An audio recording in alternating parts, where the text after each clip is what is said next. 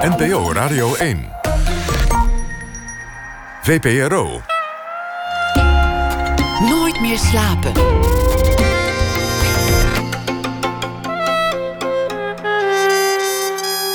Met Esther Naomi Perquin. Goedenacht en welkom bij Nooit meer slapen.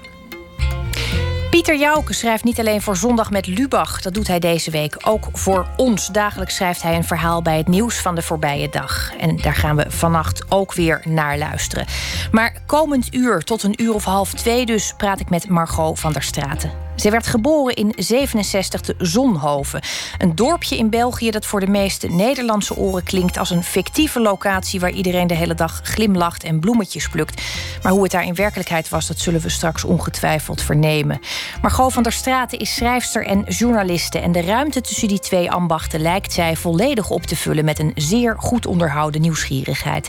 Niet alleen naar andere mensen, talen en culturen, maar ook naar zichzelf. Welke blik richten we op de wereld en wat gebeurt er wanneer je een ander perspectief kiest? Je in die mate bewust blijven van je omgeving, de aannames die je daar oploopt en je politieke correctheid. Het vergt nogal wat. In Mazzeltof, haar vijfde roman die deze maand verscheen, maakt ze gebruik van materiaal dat ze buiten de fictie om vergaarde.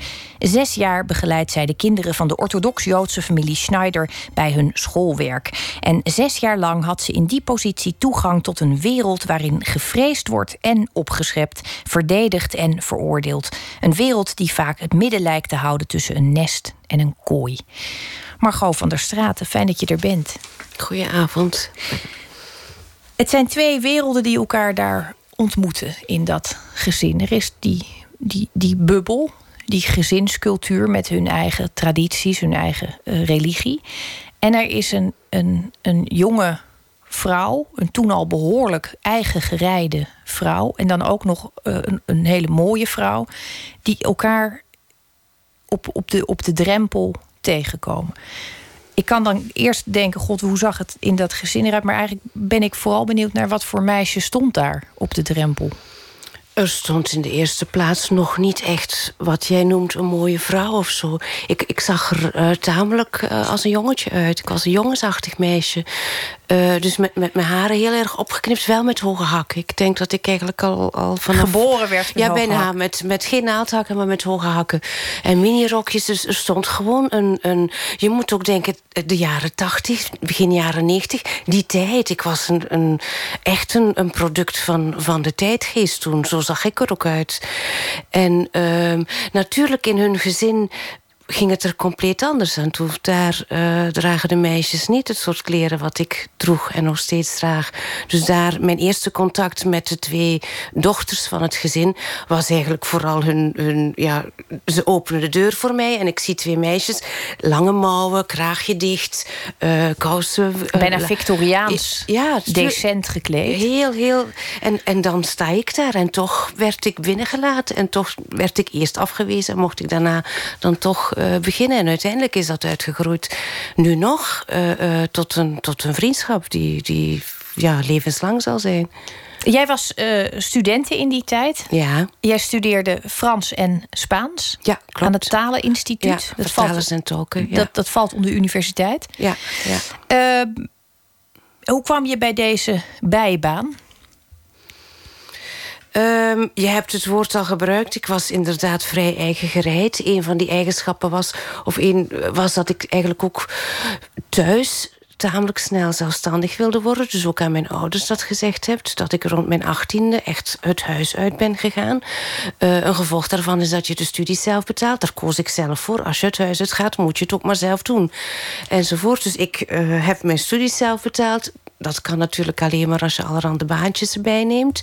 Plus als je ook al samen gaat wonen met een man die de helft van de kosten deelt. Wat ik toen ook deed. Dus ik, uh, uh, en uiteindelijk zo kwam ik aan die baan. Die baan hing op op de universiteit. Gewoon, men zocht iemand die naschoolse les gaf aan uh, kinderen. Daar stond niet bij Joodse kinderen.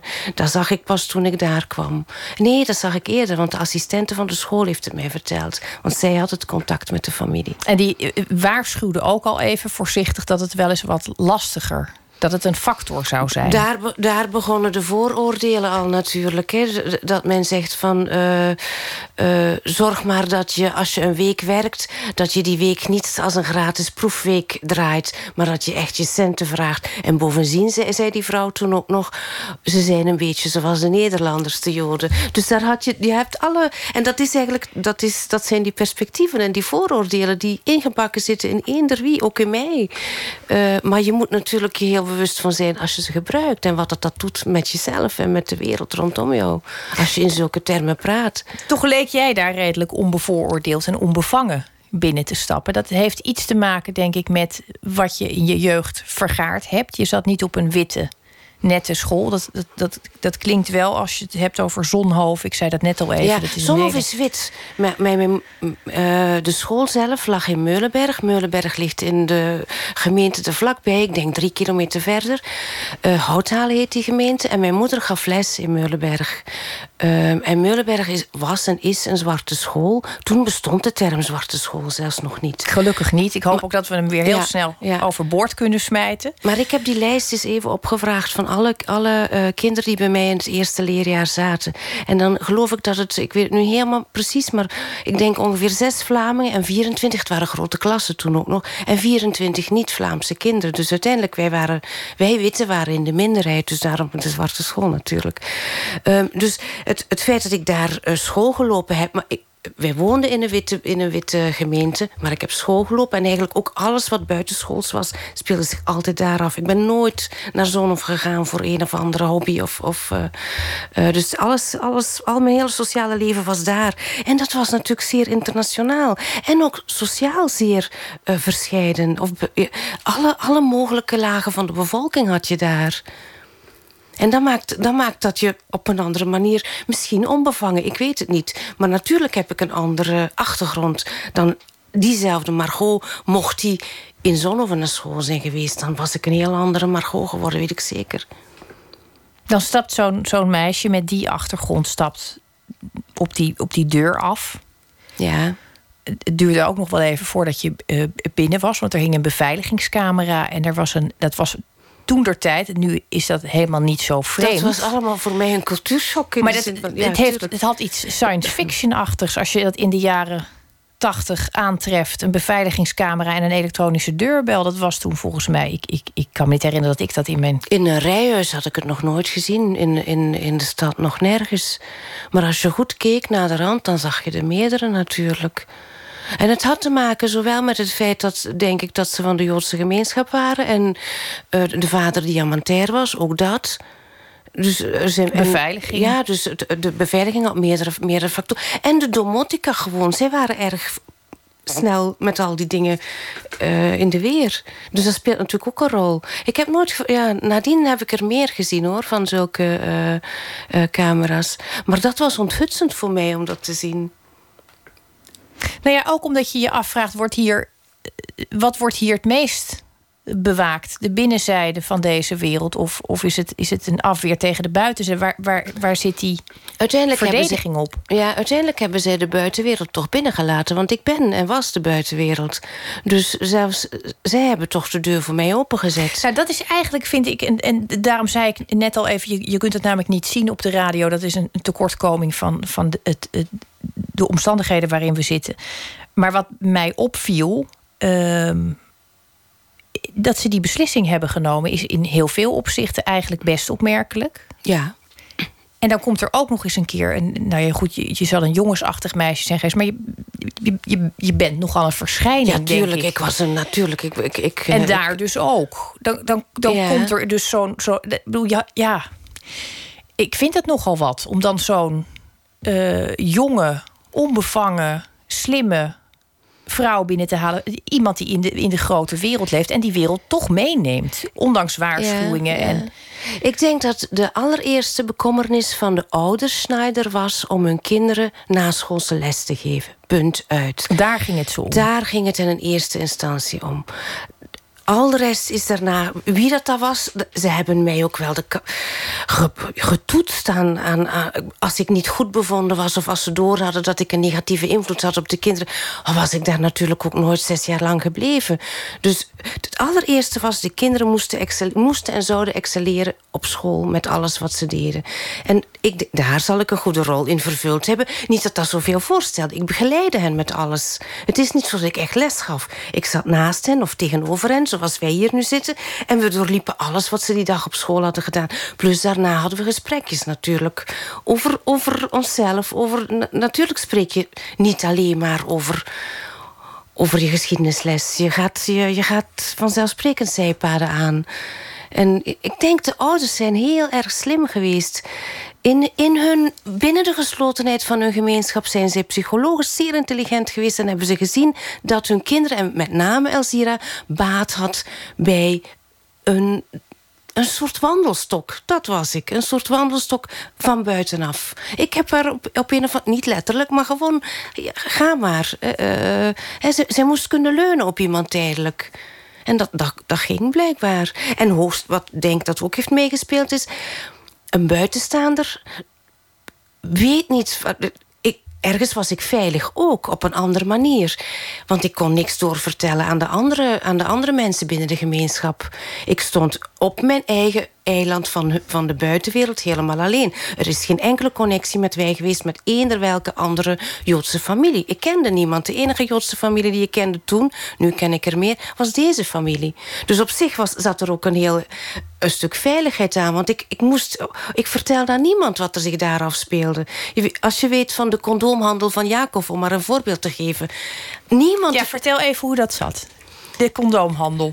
Uh, wel, ja, ja, ik geef dit nu als voorbeeld. Jacob is op een bepaald moment samen met de school... wat alle leerlingen Jacob eigenlijk is, is een van de zoons. Jacob is een zoon en hij, eh, hij is ouder dan Elzira. Uh, hij was toen een jaar of 16. Uh, ik hield me vooral bezig met Elzira, soms met Jacob. Een van de... Uh, Jacob ging met de school naar Anne Frankhuis. hij moet achteraf een opstel daarover schrijven. Ik ben met hem in gesprek. Hij blijkt er zich helemaal niets van te herinneren... van het hele Anne Frankhuis. Achteraf, een aantal weken later uh, komt uit dat hij dus eigenlijk uh, stiekem ontsnapt is uit de klas met de leraar. En dat hij en twee vrienden uh, op pad zijn gegaan in Amsterdam. Stel je voor, de eerste keer dat ze echt in een stad zijn. En dat ze ergens condooms hebben gekocht. En Jacob is die condooms gaan verkopen op school. Aan heel hoge prijzen ook nog. Ik bedoel, waanzinnig. Omdat het natuurlijk ja, vraag en aanbod. Ja, het aanbod zal echt niet groot geweest zijn. Dus hij wist wel wat hij kon vragen. En dus, ja, en zulke dingen kom je dan te weten. En dan, dan maakt ook dat je vertrouwen wint als als je in dit soort uh, gewone menselijke kleine dingen met de ander meemaakt omdat je dan met de mens bezig bent en niet met de religie. Iedereen doet zulke dingetjes. Iedereen is nieuwsgierig. Het is een vorm van nieuwsgierigheid, van grenzen verleggen. Van, uh, grenzen verleggen is nieuwsgierigheid voor een groot deel. Dus, en, en dan herken je toch dingen ook van elkaar gewoon. Jij zei net, toen je daar kwam, was hun prioriteit: onze kinderen moeten excelleren. Mhm. hoe, hoe was die relatie tussen die ouders en die kinderen? Want jij was jong genoeg om je, je eigen relatie met je ouders heel scherp voor de geest te halen. Je was daar net uit, uit die fase. Ja, eigenlijk. tuurlijk. Ja. Hoe, hoe keek jij daarnaar? Eh, eh, kon je, kon je dat, dat plaatsen ten opzichte van bijvoorbeeld je eigen jeugd? Um, natuurlijk zijn zij veel beschermender opgegroeid en opgevoed dan ik, eh, dan, dan ik ben opgegroeid. Uh, dat is totaal verschillend. De bekommernis ook. De, de, uh, alles. De, de moeder werkte niet daar. Mijn moeder werkte. Ik bedoel, er was heel veel verschil.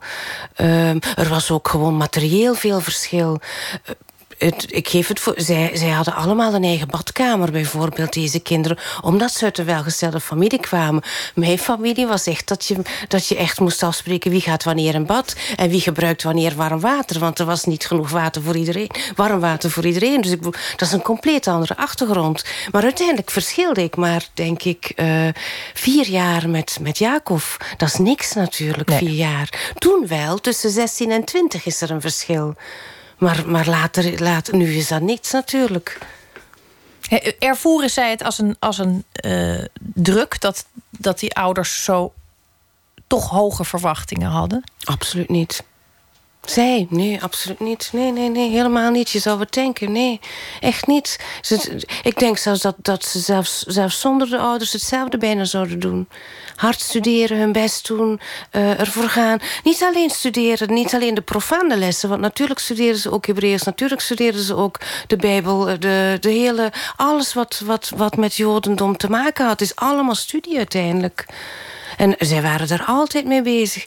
Of met, met basketbal uh, in, de, in de tuin of zo. Maar veel meer dan dat heb ik daar als ontspanning niet gezien.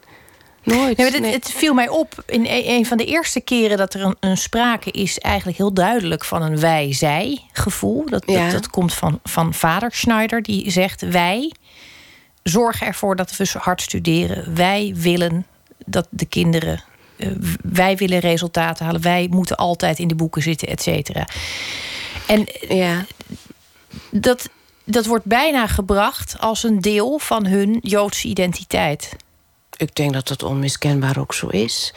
En het is ook zo, als je, ook, ook als je met uh, mensen spreekt die nog over de oorlog kunnen vertellen, ofwel omdat ze het zelf hebben meegemaakt, ofwel omdat ze het rechtstreeks van hun ouders hebben gehoord, die zullen allemaal vertellen dat, dat de geestelijke ontwikkeling hen op die moeilijke momenten geholpen heeft. Dus al was het maar receptuur. Er zijn heel veel vrouwen in de kampen die, die recepten van gerechten van buiten kenden en dat debuteerde als het ware uit een gedicht. En, en die daar alles uit dus het is het, het, het, het trainen van, van je hersenen uiteindelijk. Het trainen van je hersenen. Ja, dat levert, levert geld op op een andere manier. Het levert uh, kapitaal op, zo moet ik het zeggen. Geen geld, het is een kapitaal. Zij zijn ook altijd voorbereid om eventueel opnieuw te vertrekken. Alles achter te laten van, van de Joodse bevolking is alles meegenomen, geroofd. Want ze zijn ontheemd. Maar wat ze hebben meegenomen en wat niemand hen kan afpakken... zijn natuurlijk die ontwikkelde hersenen. Is het brein. En dat, natuurlijk doen, zijn ze er daarom ook mee bezig. Plus het, de hoge graad van spiritualiteit in een godsdienst. Maar daar heb ik, ik heb mij niet specifiek in die godsdienst verdiept. Uh, maar ik bedoel, natuurlijk speelt dat ook een rol. Dus je hebt en het intellectuele en het spirituele dus het, het is eigen aan hen om dat te cultiveren en om, om je best te doen daarvoor. Het is het, het, het vullen van een opslagplaats die je altijd mee kunt nemen. Ja, maar er, er wordt ook heel veel plezier gehaald uit studeren. Er wordt heel veel plezier gehaald uit, uit, uit de Talmudstudies. Uit, uh, dat, dat is een soort van intellectueel spel. En wij, wij, ik ken dat niet. Ik bedoel, ik, ik kan de Talmud niet, maar, maar ik heb het heel vaak gezien en, en gehoord. En, en, ja, en, en dan ook met een vorm van jaloezie naar gekeken soms. Waarom jaloezie? Omdat, omdat het iets is wat je niet hebt, omdat het iets is wat je niet kent, omdat ik uh, het katholicisme op een. Niet dat ik, dat ik het wil hebben, dat is iets anders. Uh, niet dat ik. Uh, maar, maar dat je ziet dat, dat het iets overstijgt en, en dat maakt net zoals, ja, soms kun je iets meemaken wat groter is dan jezelf. En als je zo ziet dat, dat een extreme concentratie is zeer mooi. Die heb ik ook als ik schrijf. En als je in als er helemaal niks anders is. En dat kun je ook met een hele, een, een hele goede, diepgravende studie van de Talmud, van de Torah, beleven zij dat natuurlijk ook. En ook van andere studies natuurlijk, hè, want nu gaat het over de godsdienst. Maar uh, ja. Ik kreeg ook de indruk, en dat, je moet me vooral corrigeren als ik het, als ik het mis heb. Uh, dat jij gaandeweg, want je, je komt zes jaar uh, bij die familie. En het, het, het, is, het is onmogelijk om dat helemaal na te vertellen, wat daar allemaal aan hoogte- en dieptepunten in zitten. Maar aan het eind van het boek had ik toch de indruk dat jij hiermee ook een gezin terugvond wat je zelf niet gehad hebt. Dat je deel uit bent gaan maken van een familie die, je, net als bij een echte familie, niet zelf hebt uitgekozen. Maar de, de loyaliteit en zelfs de, nou ja, de manier waarop je min of meer aan het, aan het intellectueel aan het bekvechten bent met vader Schneider, dat is een soort vader-dochter gesprek ook in mijn. Hij zei dat ook een paar keer. Hij heeft het mij een paar keer gezegd dat, ik, uh, dat hij mij als zijn alleroudste dochter zag. Op, op het einde natuurlijk. Hè, toen, uh, dus goh, een gezin dat ik niet heb gehad. Wat zeker is, is, is dat, het, uh, dat het een vorm van thuisgevoel bood die ik zeer aangenaam vond. En waar ik niet, niet, uh, niet heb geaarzeld om, om, om mij door hen te laten omarmen. Daar, daar, daar sta ik nu nog steeds voor open natuurlijk. Uh, en aan de andere kant... Uh, ik heb, omdat je het zegt over het gezin uh, waaruit ik kom... ik ben bijvoorbeeld ook, om, ik was een... Ik weet niet of ik een moeilijk kind was. In elk geval, het botste heel vaak uh, bij mijn ouders. Ik ben niet voor niet zomaar eigen gereid. Uh, en uiteindelijk, op mijn vijftiende... ben ik naar een, katholieke kostschool gegaan... Voor, waar ik drie jaar heb gezeten. En daar is het eigenlijk, om maar te zeggen... hoe dat zeer godsdienstige mensen eigenlijk fantastische mensen kunnen zijn. Daar heeft een non, zuster Lea heette die... Um, gemerkt dat ik uh, vocht met van, of worstelde met van alles en nog wat. Ook met leraren daar. Uh, en op een bepaald moment heeft zij mij bij zich geroepen in haar uh, kamertje. En toen heeft zij gewoon gezegd van... Ik, uh, ik zal jou zeggen wat jij moet doen. Jij moet boeken gaan lezen. Je gaat nu naar de kelder, daar is de bibliotheek.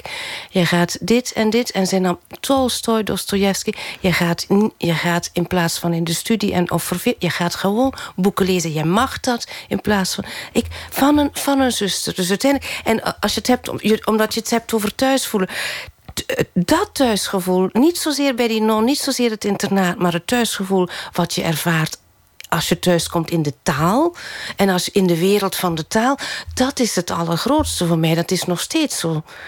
Dus, dus eh, een gezin, ik weet zelfs niet of, of je je altijd moet thuis voelen in een gezin of, of bij, in, een, in een groep. Je kunt, ik vind zelf lezen, een bibliotheek, uh, is, is ook een manier van thuis. En de taal en, en die taalspelletjes, en dat had ik heel erg met Jacob en ook met die grootmoeder. Zij hadden dat ook. Die moesten altijd spelen met taal. Dat, dat, dat was ook thuiskomen voor mij op die manier ik ben natuurlijk ook, ja, dat je gaat schrijven is natuurlijk ook omdat je voelt dat de taal de wereld is waarin je het beste best op je plaats bent. Ik denk dat ik het best op mijn plaats ben als schrijvende, al lezende, al observerende, want je kunt het ene nooit doen zonder het andere. Um, en soms door heel intens te leven ook, denk ik hoor. Dus het is, het, ik, soms moet je niet alleen aan de zijkant staan en observeren, maar moet je ook er helemaal ingooien. En dat is iets wat ik toen heb gedaan, bijvoorbeeld. Maar ik heb wel dertig jaar nodig gehad voor ik het ging schrijven. Dus bijna 30 jaar heb ik van binnen in mijn hoofd toch nog die hele, die hele periode zitten observeren. Terwijl het een hele vormende periode is geweest. Ook omdat er heb je pas wat er allemaal gebeurt. Het is een, in, in heel veel opzichten ook een politiek. Het een politiek scharniermoment zit erin. Er zit, er zit, het is een ongelooflijk indrukwekkende periode. En je, je hebt dat al die tijd in je hoofd gehad. Ik geloof dat het Adriaan van Dissen was die de la opentrok uiteindelijk. Ja, ja. Die, de, la, de laat zat overvol, denk ik echt. Want... Maar, maar hoe, hoe kwam dat, dat, dat dit zo ter sprake kwam? Uh, wel, uh, uh, beide zijn, zijn, wij auteurs van Atlas Contact. En we gingen in het kader van de Frankfurter Boegmesse... voordat die plaatsvond, samen naar Duitse eh, uitgevers... voor eventuele vertalingen van onze boeken. Hij had toen net de Librisprijs gewonnen. Want ik weet dat KLM eh, hem champagne aanbood in het vliegtuig. en dan, ik zat naast hem uh, in het vliegtuig. En uh, ik, ofwel had hij boeken over, was hij boeken aan het lezen over het Jurendom... of notities aan het maken. In elk geval, ik zie dat uiteraard vraag ik van wat ben je bezig enzovoort. En hij vertelt dat hij voor de VPRO toen nog van plan was... om een documentaire reeks over Israël te maken. Hij, hij, was toen volop in de voorbereidingsfase. En hij begint het een na het ander te vertellen. En ik ga overal heel concreet op in, details. Van eten is natuurlijk niet alleen Ottolenghi. Iedereen kent Ottolenghi. Maar als je dan verder gaat naar kleine... naar de gerechten, naar de, die staan bijvoorbeeld ook in mijn boek. En zo zo, was, zo werd het gesprek. En, op een en hij vertelde heel veel over zijn minnares. Uh, hij heeft een liberaalse Joodse minnares gehad in Brussel. Dus het, ook België kwam te sprake. Dus, en, um, ja, en op een bepaald moment zegt hij gewoon, vraagt hij mij van... hoe komt het toch dat je daar zoveel over af weet? Niemand weet daar zoveel over. En dan zei ik van ja, ik heb daar zes jaar dit en dat. En toen zei hij gewoon, nou, daar heb je toch wel over geschreven, mag ik hopen. En het was niet zo. Ik had er nog niet over geschreven. En het rare is, ik was wel al met Hebreeuws begonnen. Dus zelfs dat, zo vol zat het laadje, dat, dat ik zelfs dat nog had toegevoegd. Maar ik, was nooit, ik had ook nooit gedacht dat er een heel boek in zat, merkwaardig genoeg. Een verhaal wel, maar een heel boek.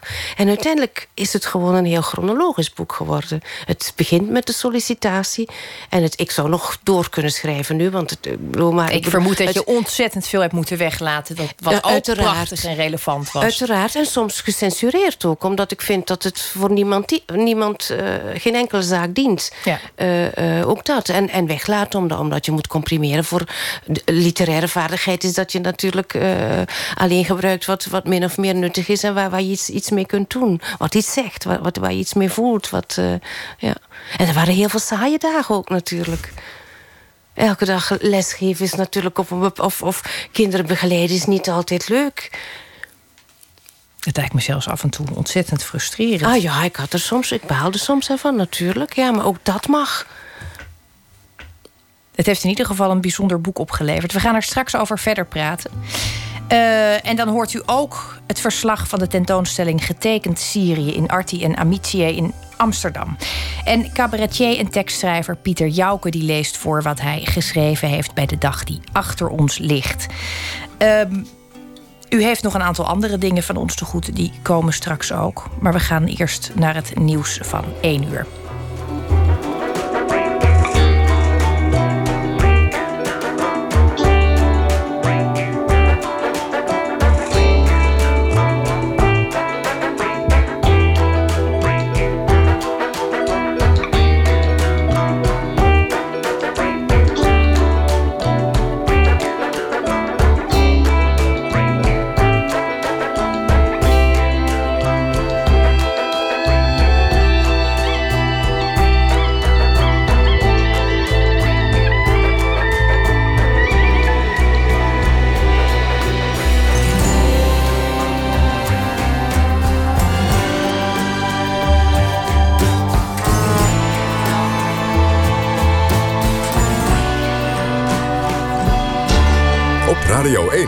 Het nieuws van alle kanten.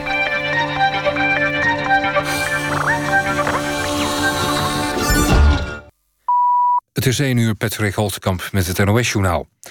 De minder strenge regels die de Amerikaanse regering... voor banken en andere financiële instellingen wil doorvoeren... is een gevaarlijk idee. Ze zouden kunnen leiden tot een nieuwe crisis. Dat heeft Eurogroep-voorzitter Dijsselbloem gezegd... tegen persbureau ANP in Washington. Hij vergadert daar met het Internationaal Monetair Fonds. De regering Trump wil vooral de controle op banken verlichten. Er is het risico dat nieuwe bubbels ontstaan... als je de financiële sector weer de vrije hand geeft, zegt Dijsselbloem. De IMF-bijeenkomst ging ook over Griekenland. De IMF-landen moeten het eens worden over nieuwe financiële steun wordt verleend aan het land. Dijsselbloem denkt dat er een oplossing komt... omdat over de belangrijkste zaken overeenstemming is bereikt. Twee dagen voor de Franse presidentsverkiezingen... heeft de Amerikaanse president Trump de rechtspopulistische kandidaat Marine Le Pen... geprezen om haar krachtige taal tegen terrorisme. Hij twitterde eerder al dat de aanslag van donderdag op de Champs-Élysées... van grote invloed zal zijn op de uitslag van de stembusgang. Het is ongebruikelijk dat een Amerikaanse president uitspraken doet... over verkiezingen in Europa. Hoewel Trump zegt dat hij geen openlijke steun uitspreekt voor Le Pen... worden zijn woorden wel zo uitgelegd op de sociale media. Bij grote protesten in de hoofdstad van Venezuela zijn zeker twaalf mensen om het leven gekomen. De meeste doden vielen in de wijk El Valle in Caracas. Acht mensen kwamen daar om het leven toen ze werden geëlectrocuteerd bij het plunderen van een bakkerij. Het totale dodental bij de protesten loopt inmiddels in de tientallen. Boze Venezolanen protesteren al sinds vorige maand tegen het bewind van president Maduro. Betogers eisen zijn vertrek omdat Maduro er niet in slaagt een eind te maken aan de economische crisis in Venezuela. Het weer. Vanuit het noorden op steeds meer plaatsen regen. Het koelt af naar 4 graden in het noorden tot 8 in het zuiden. Overdag begint in het zuiden druilerig. In het noorden wisselen zon en wolkenvelden elkaar af. Smiddags is het vrijwel droog en 9 tot 12 graden. Dit was het NOS Journaal. NPO Radio 1. VPRO. Meer slapen.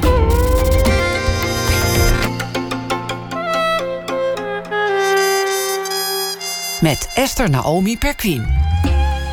Goedenacht, welkom terug bij Nooit meer slapen. Tegenover mij zit Margot van der Straten, die hier te gast is vanwege haar vijfde roman Mazzeltof. En voor het nieuws hebben we het onder meer gehad over, over wat er gebeurt als je de drempel oversteekt. Als uh, jonge, vrijgevochten vrouw met een jongenskapsel ophakken. Uh, en dan een wereld betreedt van, van een orthodox-Joods gezin. Uh, hoe je daar je plek in vindt. En waar we het ook even over hadden, en dat, daar wil ik toch nog even op terugkomen. Uh, jij bent een, een, tijd heb je op een internaat, gewoon een kostschool. Ja. Dat, dat klinkt altijd. Ik, ik heb daar altijd afschuwelijke ideeën uh, bij. Bij kostschool met hele echt strenge okay. Engerts. Maar in, in, in jouw geval was er zelfs een, een, een non die je op het spoor zette van de literatuur. En die moet dan, denk ik, toch iets gezien hebben in jou dat er al was in potentie. Een liefde voor taal, een hunkering misschien daarnaar. Um, die non was ook de directrice van de school en zij was zelf, zij las zelf heel erg veel. En natuurlijk heeft zij contact uh, met, met de leraren, het lerarenkorps. En ik had de enige vanzelfsprekende goede punten wa waren ofwel Frans ofwel Nederlands. Duits niet eens zo, maar wel de literatuur. Maar de taal deed ik niet echt mijn best in of voor. Uh, dus zij, zij heeft gezien, ook, ook de, ja, Engels ook. En, en vooral dat, dat ik dan de boeken zo, dat ik dat zo graag ontleden of zo. Zij, moet, zij moet dat gezien hebben en zij moet meer dan aangevoeld hebben. Um, haar verantwoordelijkheid hebben genomen om mij als mens hoger op te tillen. Want dat heeft zij gedaan door, door, door die raad. En uiteindelijk, achteraf ben ik het pas te weten gekomen... Is, uh, blijkt dat zij uh, dezelfde non is die ook Lieve Joris... ook Belgisch auteur, reis, uh, reisauteur vooral... ook bij Atlas Contact, die Lieve Joris gestimuleerd heeft. Dus het, het is een, een zuster die een, een aanvoelt, ziet... Een, een hele hoge psychologische intelligentie heeft... om leerlingen waren wij... Um, die eventueel talent vertonen waar zij iets aan kan doen om die, om die echt die duw te geven die ze nodig hebben om, om het beter te doen. Wist en daar ben ik zeer je... dankbaar voor natuurlijk. Ja. Nou ja, het, het, is een, het is zeker in die leeftijd lijkt het mij een, een, een soort redding toch, ja. zonder overdrijven. Wist jij wat je wilde worden in die tijd?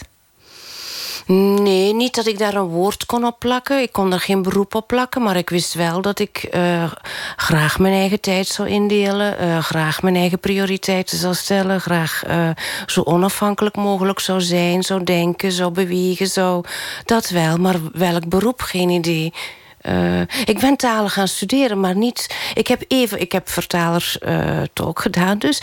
Uh, en uiteindelijk het diploma voor, voor vertalen Frans-Spaans. Ik heb een tijd vertaald. Het grootste probleem met het vertalen bij mij was dat ik, dat ik mijn eigen pen vaak beter vond dan de originele tekst. Ja, dan kan je natuurlijk niet vertalen. Dus, en daar voelde je ook alweer van dat, dat het niet mijn vak was. Dan moest, daarvoor moest ik de taal niet gebruiken. Ik had de taal nodig zelf. Niet, niet om de taal van een ander te gaan vertalen, maar ik wilde zelf zelf vertaald worden bijna, om het zo even te zeggen. Maar dat weet je ook niet allemaal. Dus dat, is ook een weg die je moet uitzoeken vo voordat je daar bent. En voor, voordat je doorhebt dat het dat toch echt niet is.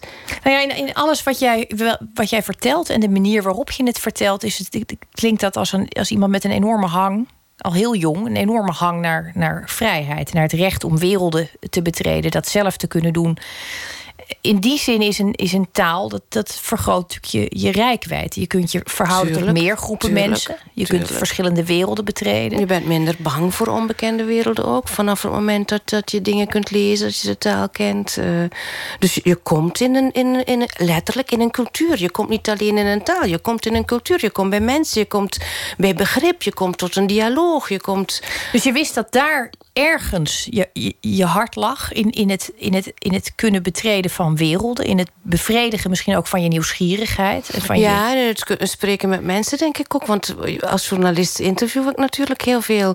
Uh, en, en het kunnen interviewen van, van bepaalde Franse uh, personen... Vind ik, vind ik nog altijd een van de hele, hele prettige dingen van, van mijn vak. Omdat het moeilijker is. Uh, omdat het een grotere voorbereiding vraagt. Omdat, omdat je moeite moet doen om niet alleen de taal... maar ook door te dringen tot die, tot die lagen die tot de taal behoren... maar die, die, die achter de woorden zitten. Uh, en en dat, dat doe je alleen maar als, als je gedwongen wordt... of als je jezelf dwingt om... en als je bijleert. Bijleren is ook iets, dat is hetzelfde als nieuwsgierigheid natuurlijk. En dat, dat, dan pas vind ik het leuk, als, als ik iets kan bijleren. Betwijfel je jezelf?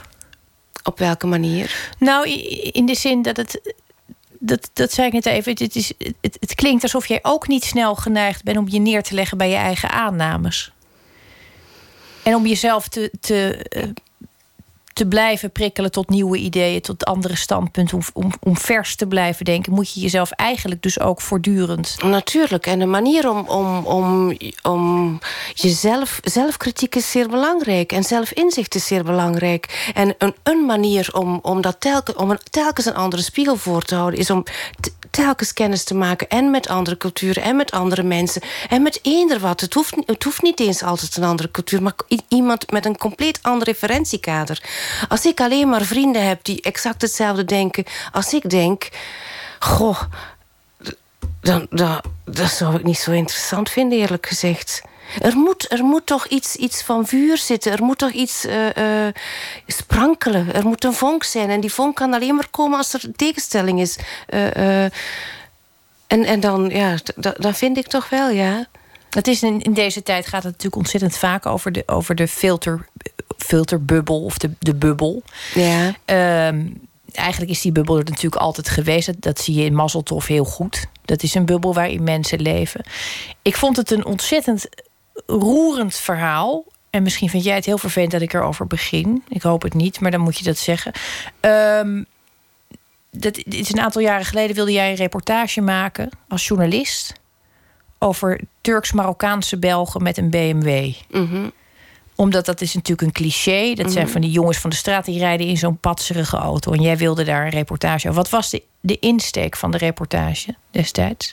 Wat, was je, wat wilde je laten zien? Dat was een reportage van Humo. Eh, wat wilde ik laten zien? Ik, ik wilde die jongens aan het woord laten. Ik wilde weten waarom dat ze met zulke uh, dure auto's reden. Hoe het kwam dat uh, jonge gasten van een jaar of twintig...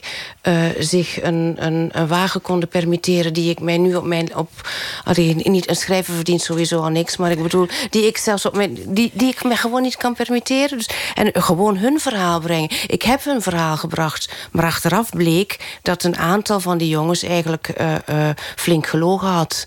Uh, eentje toch zeker.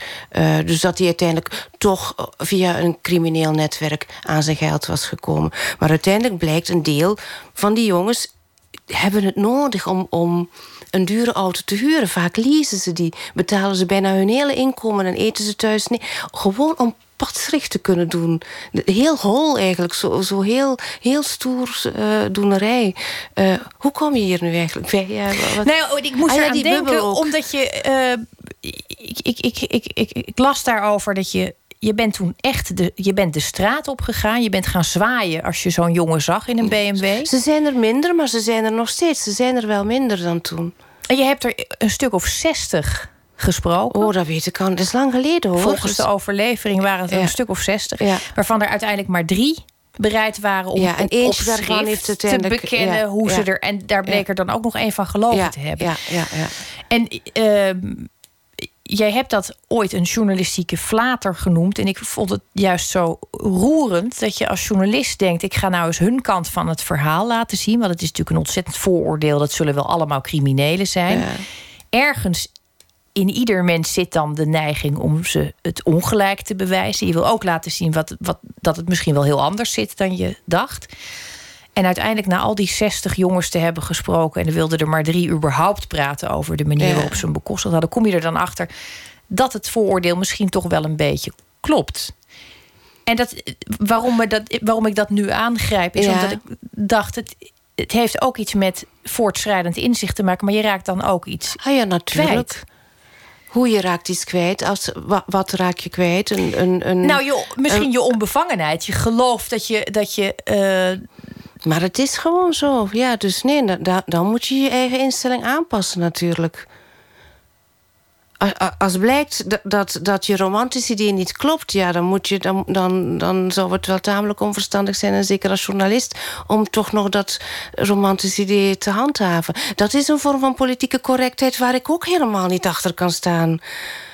ook, ook in het boek is dat zo. Van het, je, je, ik, niemand heeft baat bij politieke correctheid, vind ik. Ook niet bij echte oncorrectheid. Maar je kunt wel gewoon de vaststellen hoe het is. De feiten uh, analyseren. Kijken, spreken met mensen, achterhalen, vragen, drijfveren zoeken.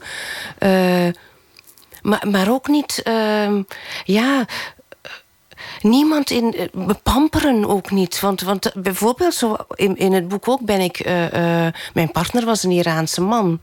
Als je dan zag hoe, hoe dat vaak vluchtelingen ook bepamperd werden... terwijl ze dat zelf helemaal niet nodig hebben ook niet. Het is een onderschatting van, van hun totale persoonlijkheid. En het is een manier om te denken dat ze alleen maar... Natuurlijk, om te denken dat ze alleen maar hulp nodig hebben. Nee, het is veel interessanter om hen als een volwaardig mens te zien. Met fouten, gebreken en met goede... goede als een complete persoon. In plaats van... Uh, dus, dus ook dat, dat uh, daar zit iets... Uh, nou, wat is dat? Iets geitenwolle sokkenachtigs in. Om dat, om dat zo... ja, voorzichtig aan te pakken of zo.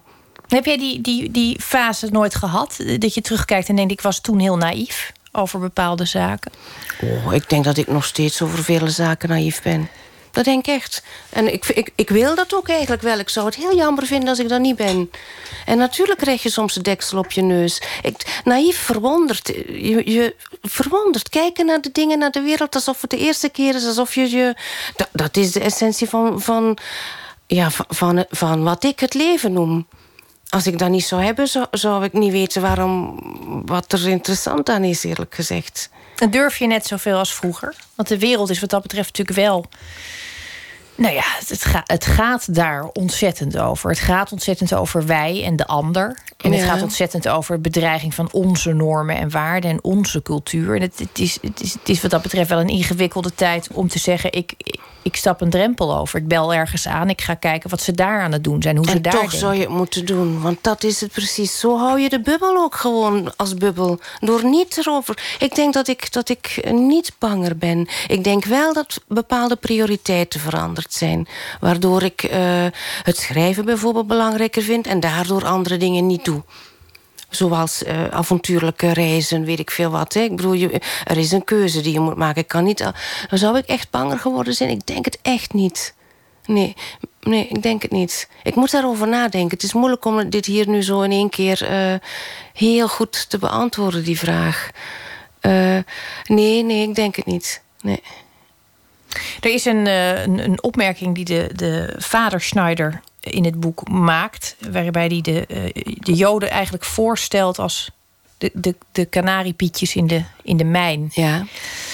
En ik, ik vroeg me af, is dat, is dat veranderd? Want dit is een uitspraak die hij destijds gedaan heeft? Nee, het is bijna bevestigd zelf. Als ik het zo. zo uh, uh, hij heeft dit ongeveer. Ik weet niet meer wanneer het, die uitspraak zich situeert nu in het boek. Hè, of het nu 20 jaar of 30 jaar geleden is. Ik denk uh, 30 jaar, maar het zou. Ja, dat weet ik Want het sluit aan met wat je zegt over, de, over eh, de gasten met hun BMW. Ik denk van de Canariepiet in de mijn. Dus je, je weet, hè, dus vanaf het moment dat, dat er giftige gassen uit de mijn komen, sterft eerst het Canariepietje en daarna de hele mensheid. Dat, dat is eigenlijk uh, het beeld wat gebruikt wordt. Ik denk dat wat zij um, hebben aangevoeld toen... en bijvoorbeeld ook... Uh, um, de, de jonge gasten in de BMW... dat dat zelfs allemaal samenhangt met, met uh, de school... de zwarte school waar ik heb gezeten. Want bijvoorbeeld in die school waar maar zes Vlamingen waren... merk je, en da daar merk je dat er dus nooit of nooit... een integratiedebat heeft plaatsgevonden. Echt integratiedebat niemand, geen enkele van die andere studenten... die, die leerlingen die bij mij op school heeft gezeten...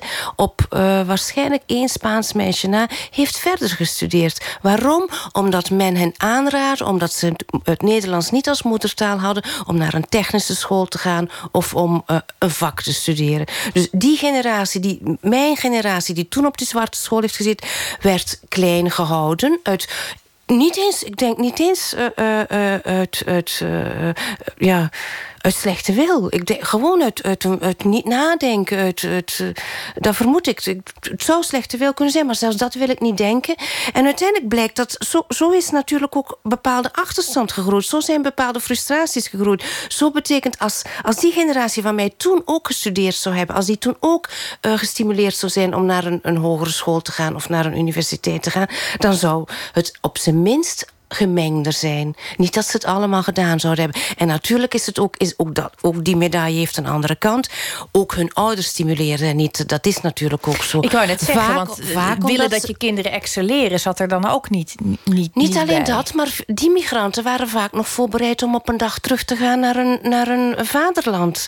De Turken en de Marokkanen die waren echt niet van plan om te blijven. Die wilden een beetje geld verdienen in de mijnen. De mijnen zijn gesloten. Die wilden eigenlijk op een dag teruggaan. Als je teruggaat kun je maar beter een vak kennen... in plaats van een rechtsstudie op zak hebben... In de van een Nederlands instituut... waar je daar in je land niks mee kunt doen. Dus ook die gedachtegang heeft heeft een rol gespeeld in het feit dat ze niet hebben voortgestudeerd. Plus dan ook nog ja, de, de niet geëmancipeerde moeders. Je, ik bedoel, alles wat met, wat met uh, migratie te maken heeft natuurlijk. En dan, dan denk ik dus van, van uh, want wat zei je nu van de? Ja, dus de kom, ik, dat, dat het daar al fout gegaan is daar is, daar is iets fout gegaan. Zo. En dat heeft zich verder en verder uitgebreid. En als je nu ziet, natuurlijk is, er een, uh, uh, is de islam geradicaliseerder of zit er binnen Europa een sterker geradicaliseerde islam dan in die jaren? In de jaren 90, toen ik daar was, was er nog geen sprake van. De geradicaliseerde islam is onlosmakelijk verbonden met antisemitisme. Ik, je kunt geen enkele geradicaliseerde uh, moslim vinden die zal zeggen lang leven een jood. Dus je weet dat door met, als, als de geradicaliseerde islam toeneemt, weet je dat het antisemitisme toeneemt. Dus wat hij toen gezegd heeft, ja natuurlijk, het is er. En het is niet alleen bij de moslims hoor, eh, of bij de, en dan bedoel ik niet de moslims, ik bedoel dan vooral zij die anti-Jood zijn, anti-Israël vooral. De hele Midden-Oosten politiek speelt een rol. Het is ook aanwezig bij de niet-Joden. Het is ook aanwezig bij de Vlamingen. Ik, eh, zeker nu, het boek is, mijn boek is er, is, er, is er een week. Ik heb al veel rare opmerkingen gekregen van Vlamingen... die voor de vuist weg een zeer antisemitische opmerking maken... terwijl ze niet doorhebben wat ze zeggen. Dus, eh, kun, je, kun je een voorbeeld geven voor, voor mijn beeld? Uh, oh, die Joden die, die kunnen hier, uh, die, die passen niet in ons systeem, want die, uh, die werken nooit op vrijdag en zaterdag. Die kunnen eigenlijk in onze wereld niet. Die passen hier niet in onze wereld. Omdat ze natuurlijk met de sabbat op, op vrijdagavond en zaterdag niet werken. En dus de vrijdag begint dan meestal al rond later namiddag.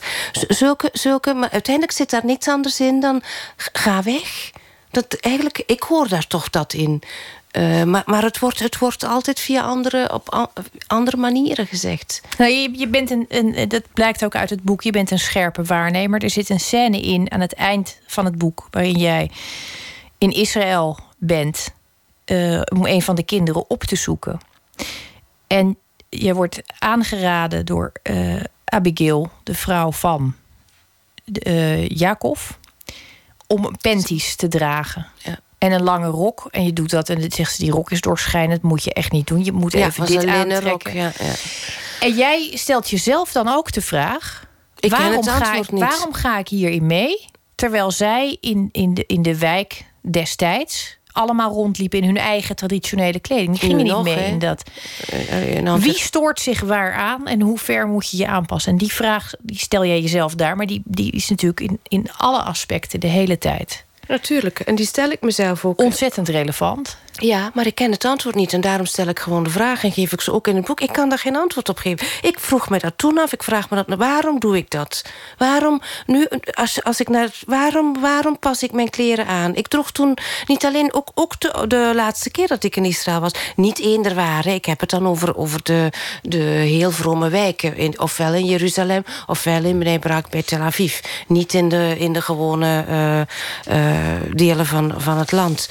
Um, en dan, dan zorg ik toch dat ik uh, uh, schoenen aan heb die, die niet al te hoge hakken hebben. En dat ik niet, panties niet eens, echte dikke panties die, die mijn benen niet tonen omdat ik niemand in verwarring wil brengen. Omdat ik geen gezeur wil. Omdat ik niet wil dat, dat, dat ik andere vrouwen eventueel in verlegenheid breng. Ik bedoel aan Joodse vrouwen. Als er dan allerlei dingen spelen. En, maar tegelijkertijd speelt ook de vraag in mijn hoofd... waarom doe ik dit? Ik, en ik, ik weet het niet. Nou, ik, ik denk dat het op zich een heel mooi besef is om te voelen dat je bereid bent als mens je aan te passen, niemand voor het hoofd te willen stoten. De vraag is natuurlijk: is het omgekeerd? Is het, is het, is het voor iemand ergerlijk om een vrouw in, in lange rokken te zien? Nou, daar, daarvan zeggen heel veel mensen nee. Oh, Bij de hoofddoek is dat natuurlijk wel. al heel Ja. een heel ander gebied tegenwoordig. Mijn oma droeg trouwens ook altijd gewoon een. Dat realiseerde ik me laatst toen ik oude foto's zag. Die had altijd een hoofddoekje om. Ja, ja, ja. ja. Het, ik, ik weet, als ik die, eh, kousen aantrek of die panties aantrek... ik doe dat ook niet vanuit een religieuze overtuiging.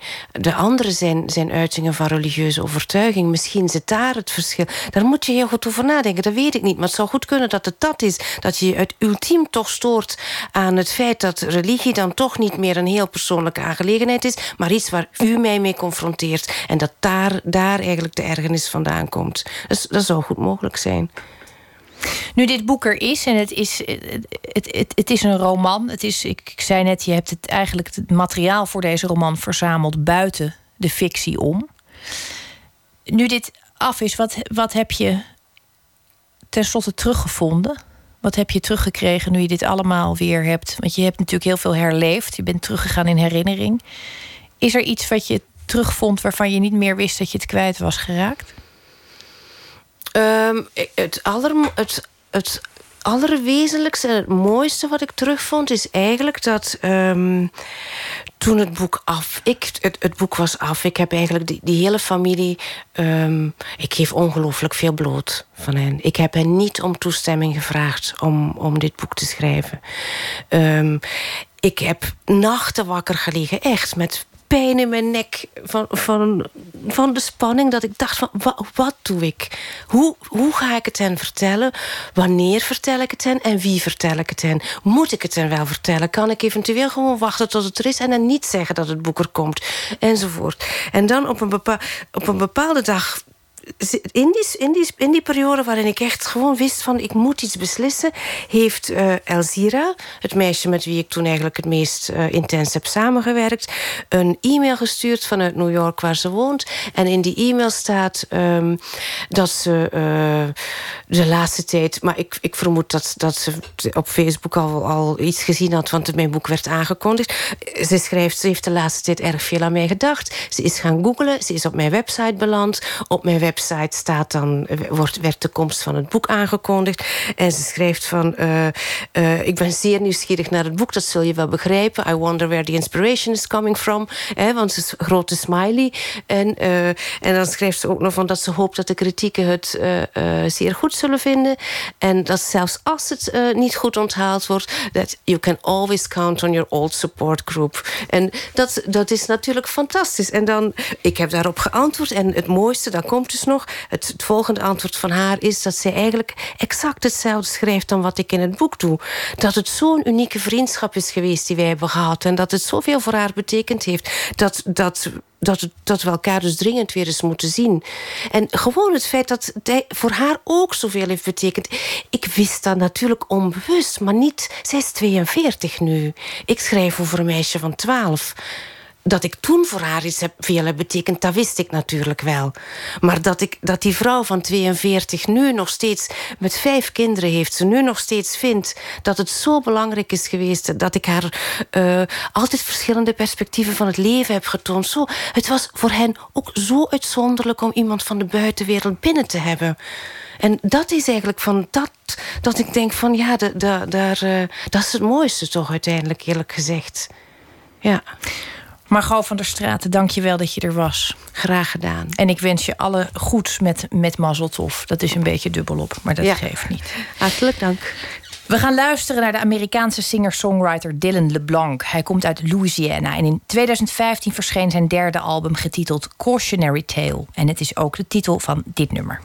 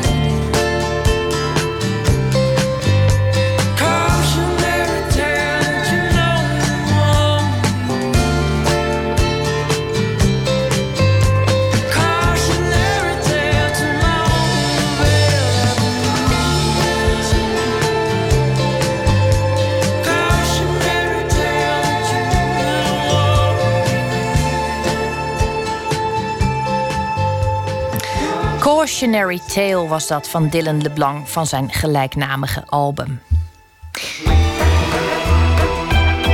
Nooit meer slapen. Eerder op de avond opende de tentoonstelling Cartooning Syria in Arti in Amsterdam. Daar zie je cartoons over Syrië van 28 Syrische en ook van Nederlandse en Vlaamse cartoonisten. En ter gelegenheid van de tentoonstelling verschijnt er volgende week ook een boek met dezelfde titel. Op twee na zijn de Syrische cartoonisten van wie het werk te zien is de oorlog in hun land ontvlucht. Zij wonen nu verspreid over de hele wereld.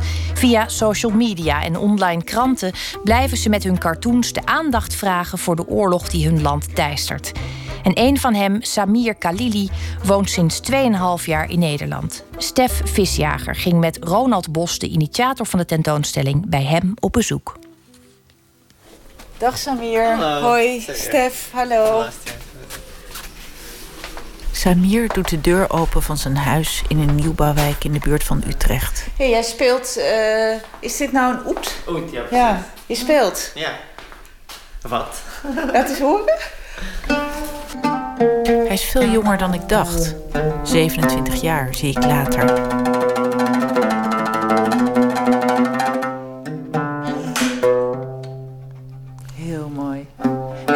Ook?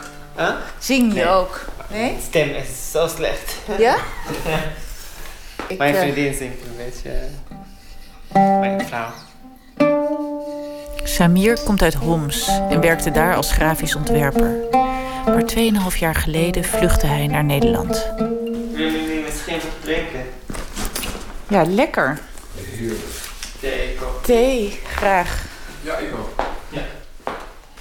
Samir biedt ons thee aan en ik loop mee naar de keuken en bekijk de foto van zijn vrouw die op de ijskast hangt.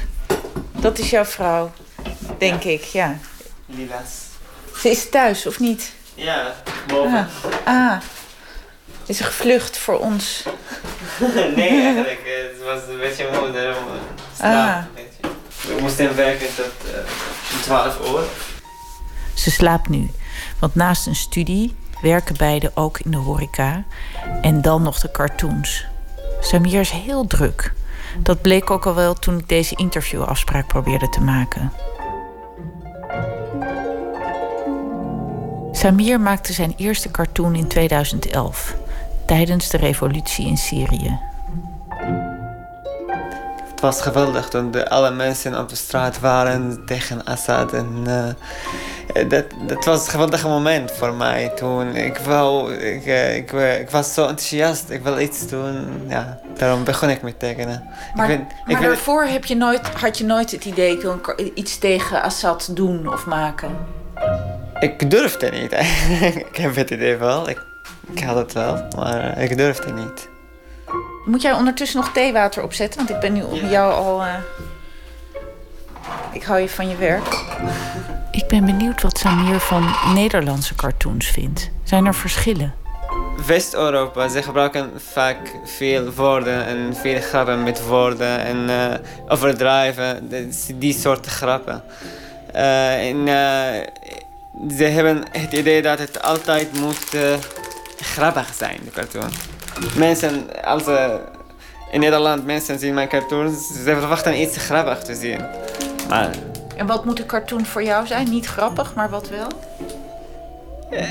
Ik weet het niet, kan ik, durf ik niet te zeggen precies. Het is kunst eigenlijk. Ik, het, het moet sprekend zijn.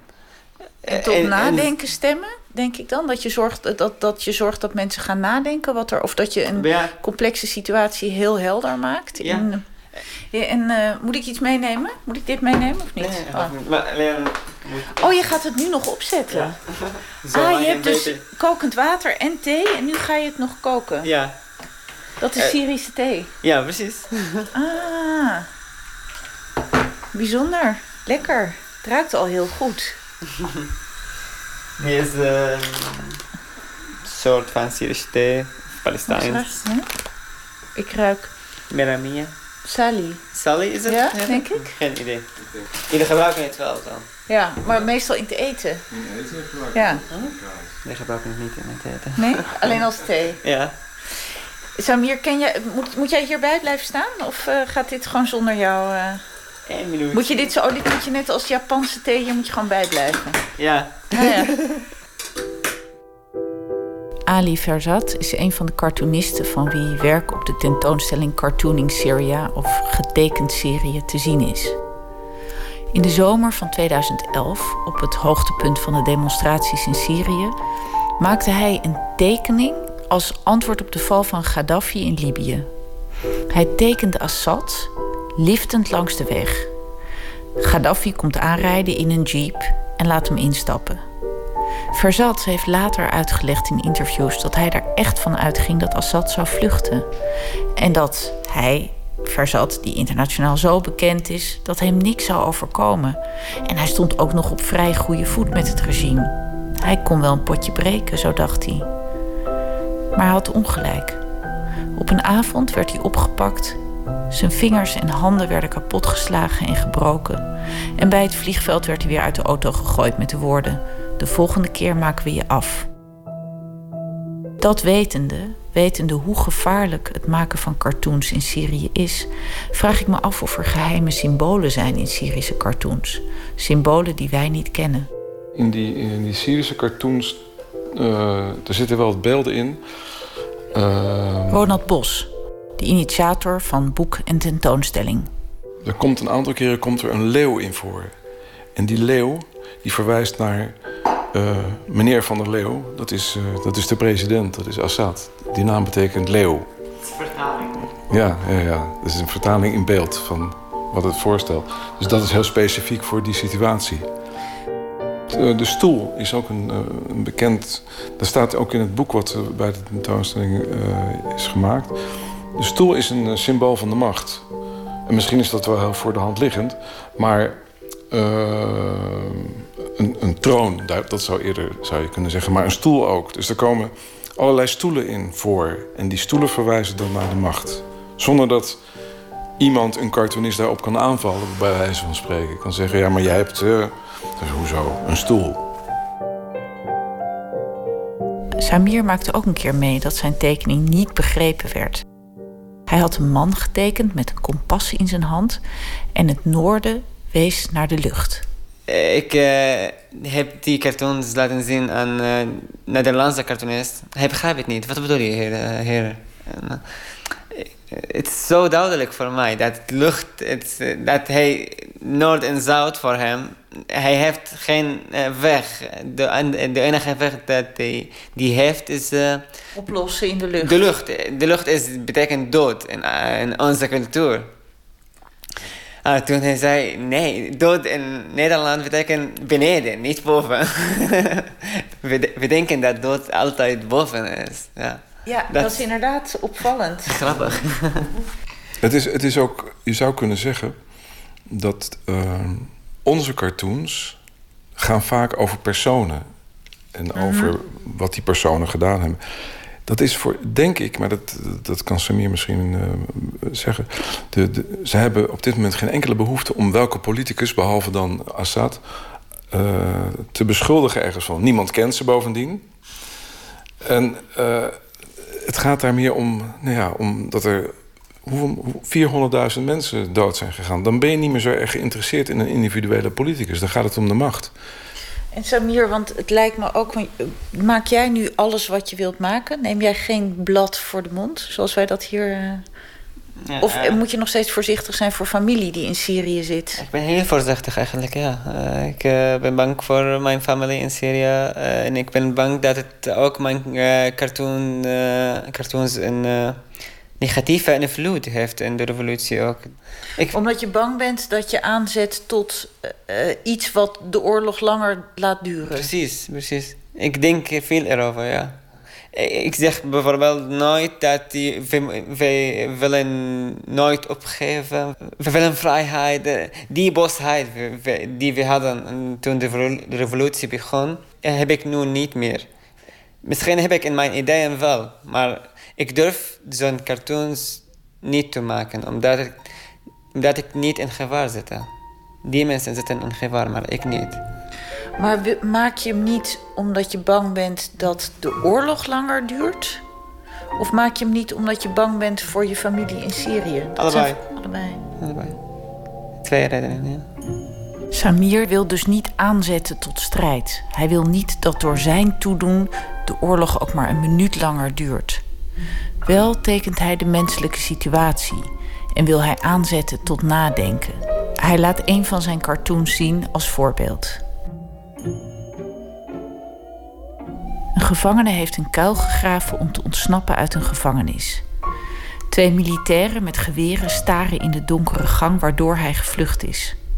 Vervolgens zie je die gevangene weer omhoog klimmen, maar hij komt weer in de volgende gevangenis, waar twee islamitische mannen met even grote geweren hem staan op te wachten. Uh, wat ik hier wou zeggen, dat uh, mensen moeten die islamitische groepen niet vertrouwen. We moeten naar andere, naar de vrijheid uh, vluchten, niet naar andere cel. Dat is wat ik hier wou zeggen. Mensen vertrouwen soms in islamitische groepen omdat ze echt goed zijn tegen Assad of hard zijn. Andere cel, andere ja. gevangenen. Ja, goed, dankjewel. Tot 21 mei is de tentoonstelling Cartooning Syria te zien in Arti in Amsterdam. En het boek Cartooning Syria verschijnt komende week bij uitgeverij Jurgen Maas. Een reportage was dit van Stef Visjager. Naast zang is de New Yorkse Camelia Hartman ook bedreven in het spelen van viool, gitaar, basgitaar en trombone. Een alleskunner zou je dus bijna denken. Dit is Camelia Hartman met Breathing Hard Over You.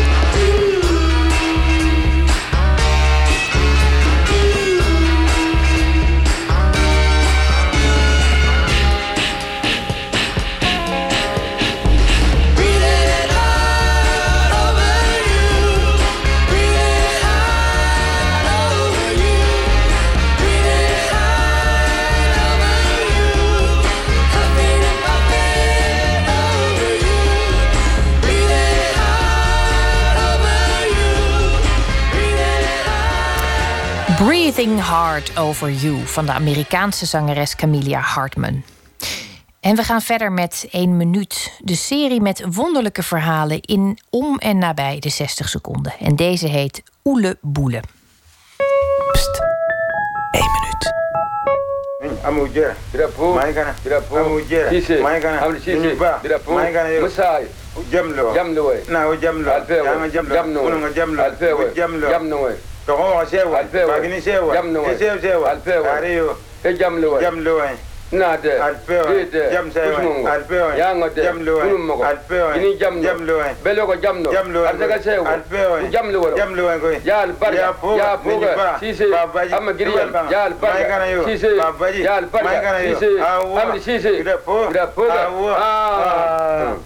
Begroetingsritueel van het Dogon-volk in Mali.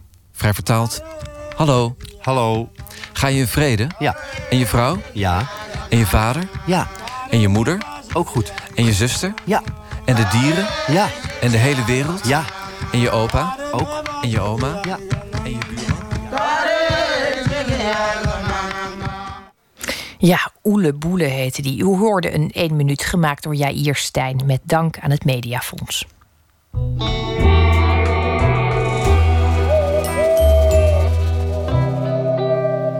Elke week vragen we een schrijver of dichter om met proza te reageren op het nieuws van de voorbije dag. En deze week wordt dat verzorgd door cabaretier en tekstschrijver Pieter Jouke.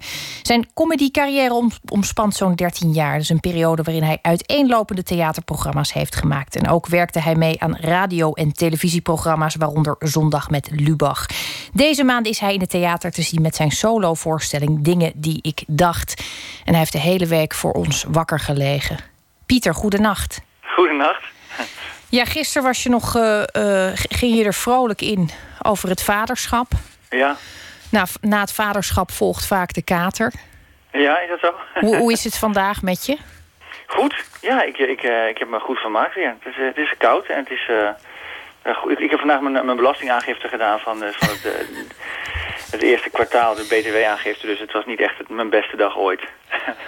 De BTW-aangifte. Ja. Nee, het verbaast mij altijd dat het niet een enorme piek aan eh Prozac ook oplevert. Ik heb Ja. dat nooit, de cijfers nooit gezien, maar het zou zomaar kunnen dat er allerlei geheime statistieken zijn. Moest dat wel, toch? Ja. Ja, nee, als er één reden is om, om er naar te grijpen, is het eh, de BTW-aangifte. Ja. Ehm, je hebt dus niemand opgelicht ook. Nee, nee, weer Nee, niet. dat, dat komt dus ook niet meer. Nee, Nee, nee, nee. je hebt het nu allemaal gezegd. Ja. Ehm, wat is je vandaag opgevallen in, de in de wereld?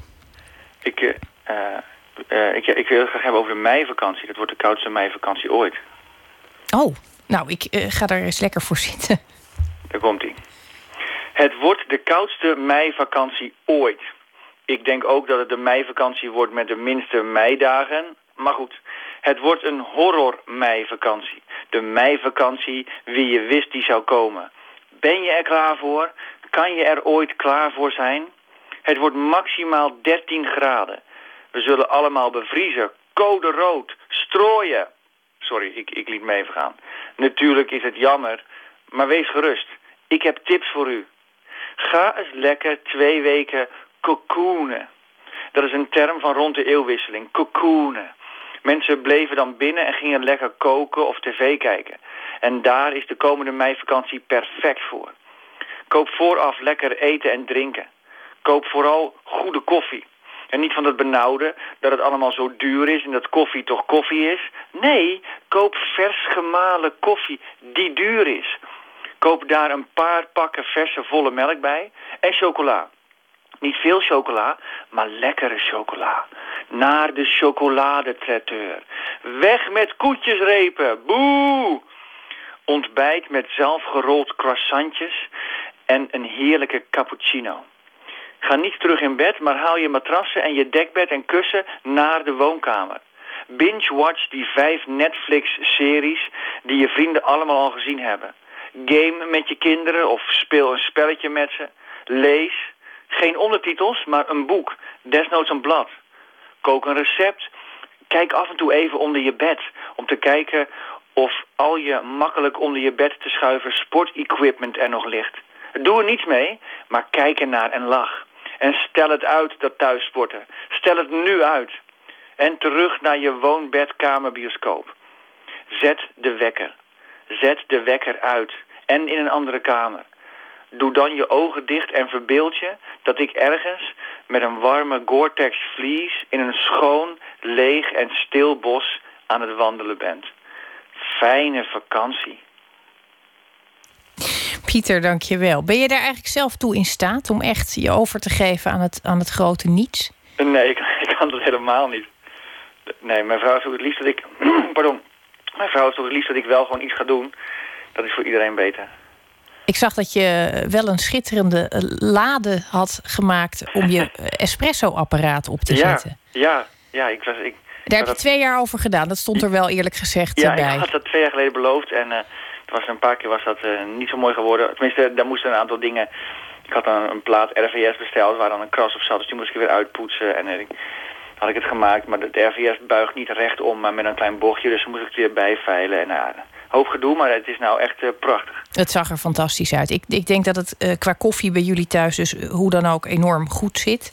Absoluut. Ik kan me herinneren van die uh, lamlendige vakanties als het weer tegenviel... dat mijn moeder altijd een fantastisch plan had om ons toch naar buiten te krijgen. Die gaf ons dan vingerverf mee. Ja. En dan mochten we de auto beschilderen. Wauw. Ik moet wel zeggen, wij hadden gewoon een hele oude Nissan Sunny. Het was een arm nest. Dus volgens mij was dan ook gelijk het vakantiebudget op als die vingerverf was uitgedeeld aan vier kinderen. Maar wij vonden dat altijd fantastisch. Dus stonden we urenlang die, die, die auto een beetje te bekladden. En daarna mochten we dan uh, mochten we hem ook weer schoonmaken. Dat was ook hartstikke leuk. Dus mensen met weinig budget, uh, die, die, die kunnen dan die koffie van jou laten zitten en die gaan gelijk naar de vingerverf. En mensen ja. met iets meer geld, die kunnen ook gewoon die, die koffie en die croissantjes doen. Ik vind het een heel goed uh, vooruitzicht eigenlijk. Ja, toch? Ja. Er zijn slechtere scenario's denkbaar. Ja. hey, ik, uh, ik hoop dat het je meegevallen is deze week. Ja, ik vond het heel. Ik vond het wel. En, en ik moest ook nog een paar keer optreden. En om dan een plek te vinden waar vandaan je kan bellen, is wel, is wel heel lastig vaak. Ja. Nou, het is, uh, het is allemaal luid en duidelijk doorgekomen, je bijdrage. Heel hartelijk dank en uh, we hopen je heel gauw weer te spreken. Graag gedaan, dankjewel. Slaap lekker. Fijne nacht. Dag. Hoi. Eerder dit jaar verscheen het nieuwe album van de Britse band Elbow, getiteld Little Fictions. En hiervan is dit Trust the Sun.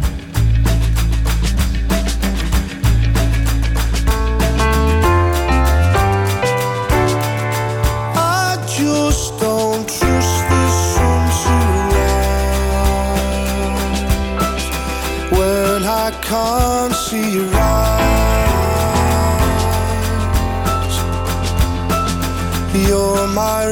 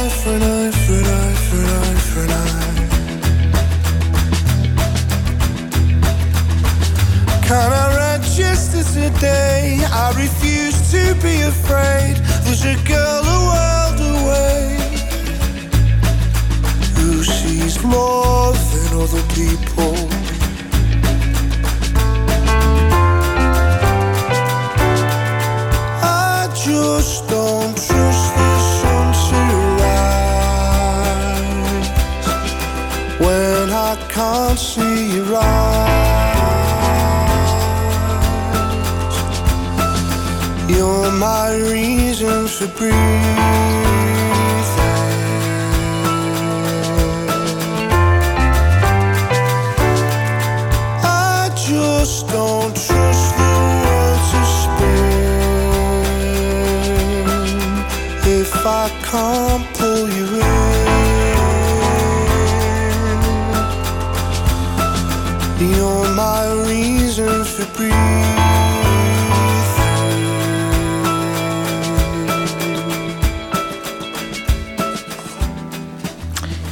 Hoorde Elbow met het nummer Trust the Sun. En de band zal deze zomer ook op Lowlands spelen.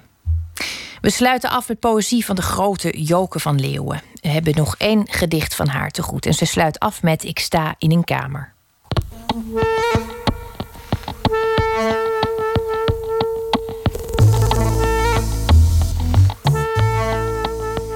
Ik sta in een kamer, ontbijt inbegrepen. Het raam biedt me uitkijk op hekken als strepen. Een kleerkast waait open. Ik zie een bejaarde, ze- ze vraagt zijn ze weg. Ik vraag wie zijn weg en ze zegt mijn rivalen. Ze kwamen me halen, ik was toen nog jong. Ze kent deze kast met nog kleren van dames en heren die zelf niet meer leven. Ik zeg kom de kast uit, ik breng u wel even waarheen u maar wilt. Ik moet haar vertellen wat waard is te willen. Misschien nog de zee zien of op een terras met een glas naar de anderen staren die zoeken naar kleren die nieuw zijn en passen. Of nog een massage met olie en handen die weten hoe alles van binnen. Ze weet niet meer goed van beginnen. Mijn lijf raakt bekneld in haar takken van armen. Ik voel broze botten. Ze zakt op de vloer en is dood, maar blijft kijken. Ik sta voor het raam, zie de hekken als strepen. Voor wijken te sterk. Ik heb een serie gemaakt in mijn eh, nieuwe dichtbundel. Het moet nog ergens liggen, heet die bundel.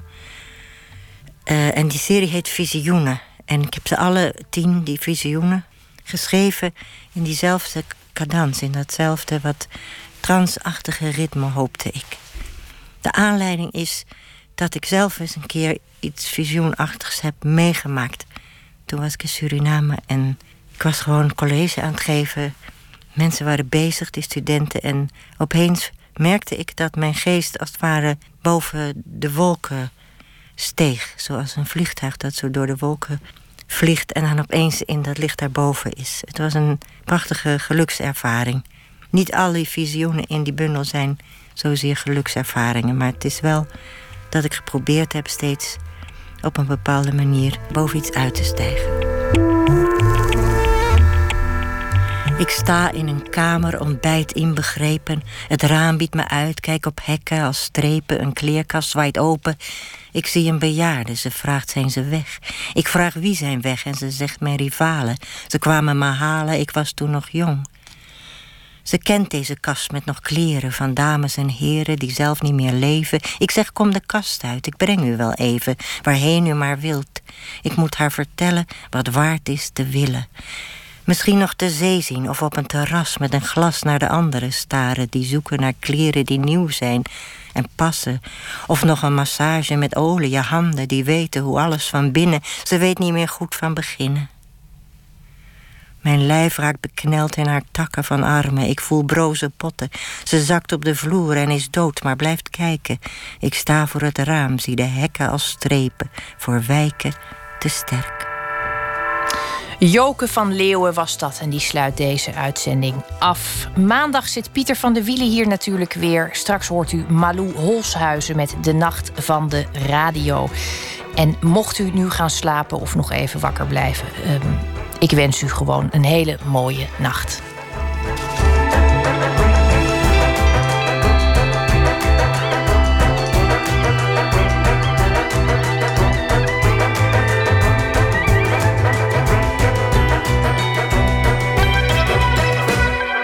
Radio 1. Het nieuws van alle kanten.